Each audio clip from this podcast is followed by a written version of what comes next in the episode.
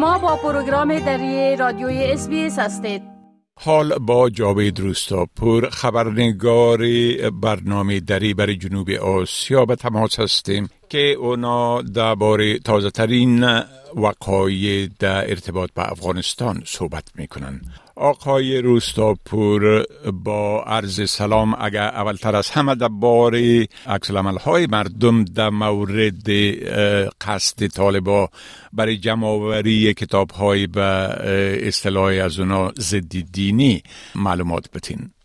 با سلام وقت شما بخیر. آقای که بله امان گونه که شما اشاره کردین مسئولان وزارت اطلاعات فرهنگ طالبا گفتند که کتاب هایی که در تضاد به گفته او با منافع دین و منافع ملی قرار داره یا را از بازار جمعآوری می‌کنند. وزارت اطلاعات فرهنگ طالبا تاکید کرده که تاکنون هزاران جلد کتاب از این گونه کتاب ها را یا جمعآوری کردند و این روند ادامه دارد. اما ناشران گفتند که کتاب هایی را که طالبا بیشتر جمع آوری کردن کتاب های ترجمه بوده که ترجمه فلسفه بوده جامعه شناسی بوده و بیشتر کتاب های علوم اجتماعی بوده که تنها نویسنده کتاب های یا اروپایی بودن یا آمریکایی بودن و یا یک نویسنده خارجی بوده و به همین دلیل طالبا به بانه از اینکه کتاب ها ضد دین هستند ضد ارزش های دینی هستند از بازار جمع کردند.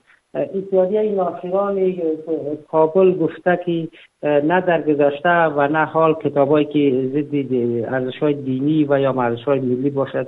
در افغانستان چاپ نمی‌شد و توضیح نمی‌شد. وزارت جدی در گذشته هم وجود داشت. برای چاپ کتاب و کتابایی که از زبان زبان خارجی ترجمه می شماری از جوانان هم در شبکه های اجتماعی با اقدام طالبا واکنش نشان دادن و گفتند که طالبا به هر بانه تصمیم نشانی است که مردم را از آموزش و برابری از علم محروم می سازند بله خب گزارش ها میگن که دست فروشان در کابل به خاطر انتقالشان به یک محل غیر مناسب برای فروش اموال و امتیشان شکایت کردن. اگر لطفا در ای باره کمی معلومات بتین شاروالی کابل تاکید کرده که دست فروش ها را به یک محل مناسب انتقال داده. و گفته که در یک جایی است که چهار, دیواری است و فضای بسیار کلان است که تمام کراچی ها و دست فروش ها در اینجا می‌تونن که روزانه تجارت کنن و کالای خود را به فروش برسانند اما دست فروش ها تاکیدشان ای است که محلی را که شاروالی کابل برای از جا در نظر گرفته دو مشکل دارم مشکل نخستی است که در وضعیت کنونی که یا خرید فروش در بازار نیست و درآمدشان بسیار اندک است. طالبا بین دو هزار تا پنج هزار افغانی از یا کرایه درخواست کردن که باید بپردازند. و مشکل دومی دستفروشهایی است که در این محلی را که برشان طالبا در نظر گرفتن مردم مراجعه نمی‌کنند و که کالای از یا به فروش برسد و یا جز خودشان کسی دیگری در این محل رفت آمد نخواهد کرد که تا یا کالایشان را به فروش برسانند.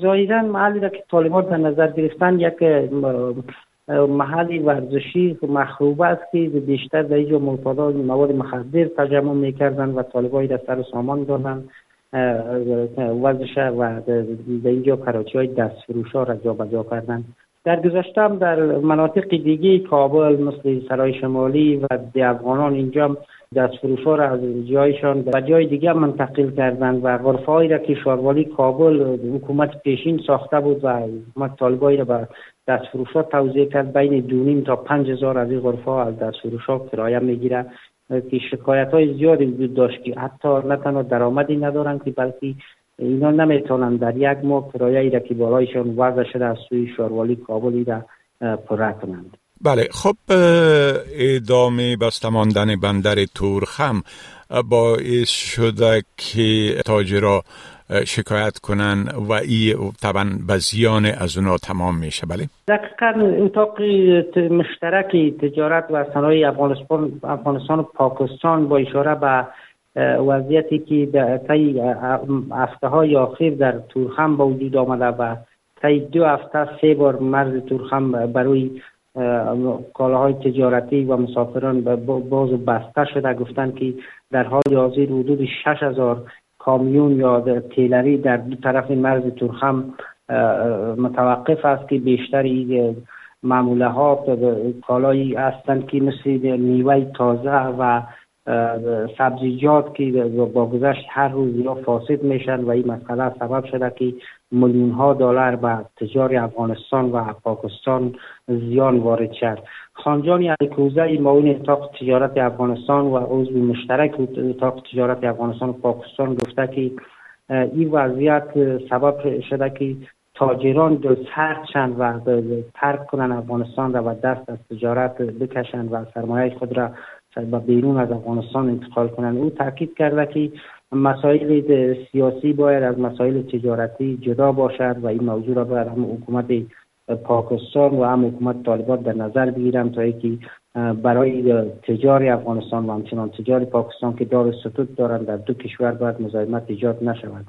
ولی قراری که دیده می‌شد از گذشته تا حالی مشکل وجود داشت. در گذشته به باور آگاهان پاکستان بیشتر مشکل تراشی می‌کرد و بارها سبب شد که ده ها تیلری از میوه تازه و سبزیجات تجار افغانستان در تورخم فاسد شد و اصول و قوانینی که دو طرف یا توافق کرده بودند به گفته آگاهان اقتصادی پاکستان با کمتر عمل کرده. ولی آنچه حالا جریان دارد به نظر می رسد که قضیه قسم دیگری است و موضوع طالبای پاکستانی در افغانستان سردستهایشان سبب شده که پاکستان جدی بگیرد این موضوع را و طالبان افغانستان وارد گفتگو هم است. که نه تنها بر مسائل تجارت بلکه بر دیگر موارد را به گفته آقاهان سیاسی شاه خواهد انداخت. بله خب بسیار تشکر آقای روستاپور از این معلوماتتان و فعلا شما را به خدا می سپارم روزتان خوش. روز شما هم خوش. خدا نگهدارتان. بپسندید. شریک سازید و نظر دهید. اسپیس دری را در فیسبوک تعقیب کنید.